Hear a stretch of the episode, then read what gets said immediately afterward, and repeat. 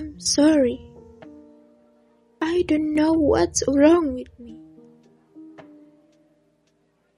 And I'm sorry that I'm not the doctor that you wanted me to be. I'm sorry that I'm not a sister who brings you peace. I'm sorry. I'm sorry that I'm not the girlfriend that I could have been.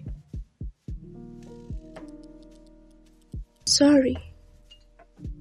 I'm not a good friend for you. I'm sorry. Not good enough. I'm sorry that I don't understand what this life really is.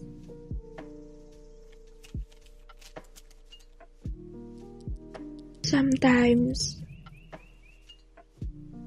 I wish that I could just peacefully fade. No more stress, no more depressed. The pills are just right there, right next to me. But I can't because there are so many people who would miss me. But the other side of me, I don't want to feel this way anymore. I love them so much. And it hurts me so bad. It hurts me that I can't do anything to make everything right.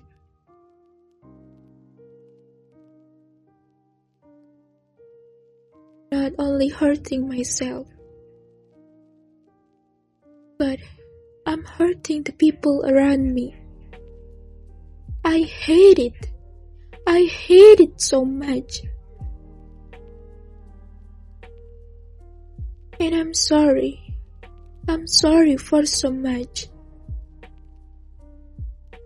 I wish that I could be a better person. And I wish that I could get better. But I don't think that I can. It feels like it's never gonna get better. So, I'm sorry sorry that I'm saying goodbye. I'm sorry that I couldn't be what you wanted me to be.